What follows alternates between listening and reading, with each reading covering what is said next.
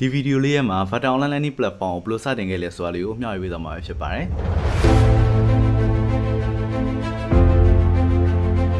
မင်္ဂလာပါကျွန်တော်ကတော့မြန်မာလူပါ Vata Online Learning Platform ရဲ့ founder တူပဲဖြစ်ပါတယ် online learning အတွက် website တစ်ခုဖန်တီးဖို့2015လောက်ကလေးကကျွန်တော်လည်းကျွန်တော်အဖေရဲ့စကားပြောရင်းနဲ့ idea လေးတစ်ခုရပြီးတော့စတင်ပြီးခဲ့တာပဲဖြစ်ပါတယ်။ဒါပေမဲ့ teaching method တွေ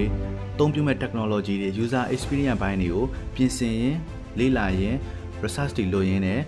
တကယ်တမ်းအကောင့်တွေပေါ်လာတော့ကျွန်တော်2018လောက်မှာပဲဖြစ်ပါတယ်ဒီ HP computer အစုပ်လေးတစ်လုံးရဲ့ recording အတွက် portable mic လေးရဲ့တက်လိုက်ကြလိုက်ဖြစ်နေတဲ့ internet connection ရဲ့လေးရဲ့နဲ့ညာလုံးပေါက်ခဲ့ရတဲ့ညရည်လည်းမနှဲပါဘူးအဲ့ကာလာတွေမှာဆိုလို့ရှိရင် server တွေတစ်ခုတစ်ခု test တွေလုပ်တယ် UI နဲ့ပတ်သက်ပြီးတော့လည်းပြည်တွင်း user တွေနဲ့အဝင်ခွင့်ကြဖြစ်အောင်အသေးစိတ် frame တွေချပြီးတော့ design တွေရေးဆွဲခဲ့ပါတယ်အခုထိလည်းအမြဲတမ်း update လုပ်ပေးနေအောင်ပဲဖြစ်ပါတယ်ဒီ server ကြီးတွေ domain ကြီးတွေနဲ့တခြားပုံစံစိတ်တွေအတွက် content တွေရေးရင် graphic design တွေဆွဲရင် video နဲ့ animation တွေကို freelance အနေနဲ့ ဖန်တီးရင်းနဲ့ဖြတ်တန်းခဲ့ရတာပဲဖြစ်ပါတယ်။တကယ်တမ်း website ကို launch လုပ်ဖြစ်ခဲ့တာကတော့2019 January လမှာပဲဖြစ်ပါတယ်။ user experience ဘိုင်းမှာဆိုလို့ရှိရင်လည်းကိုယ်တိုင်လည်း test လုပ်ခဲ့သလိုမျိုးတကယ် real world user တွေအသုံးပြုနေတဲ့ behavior တွေကိုလည်းလေ့လာပြီးတော့အချိန်နဲ့တပြေးညီပြင်ဆင်မှုပေါင်း16000ကို ပြင်ဆင်ခဲ့ရပါတယ်။ Vector ကိုနေမျိုးလေးရဲ့အခန်းချင်းလေးတွေကနေပြီးတော့စတင်ခဲ့တော့ညာလည်းပဲအခုဆိုလို့ရှိရင်ပြည်တွင်းက online learning platform တစ်ခုဖြစ်တဲ့ Total နဲ့ပူးပေါင်းပြီးတော့ ICT ပညာရပ်တွေကိုလွယ်တကူတက်ရောက်သင်ကြားနိုင်အောင်စီမံပေးထားပါတယ်ကျွန်တော်တို့ရဲ့အဓိကရည်ရွယ်ချက်ကတော့ကိုယ်တိုင်လေ့လာကိုယ်စရာ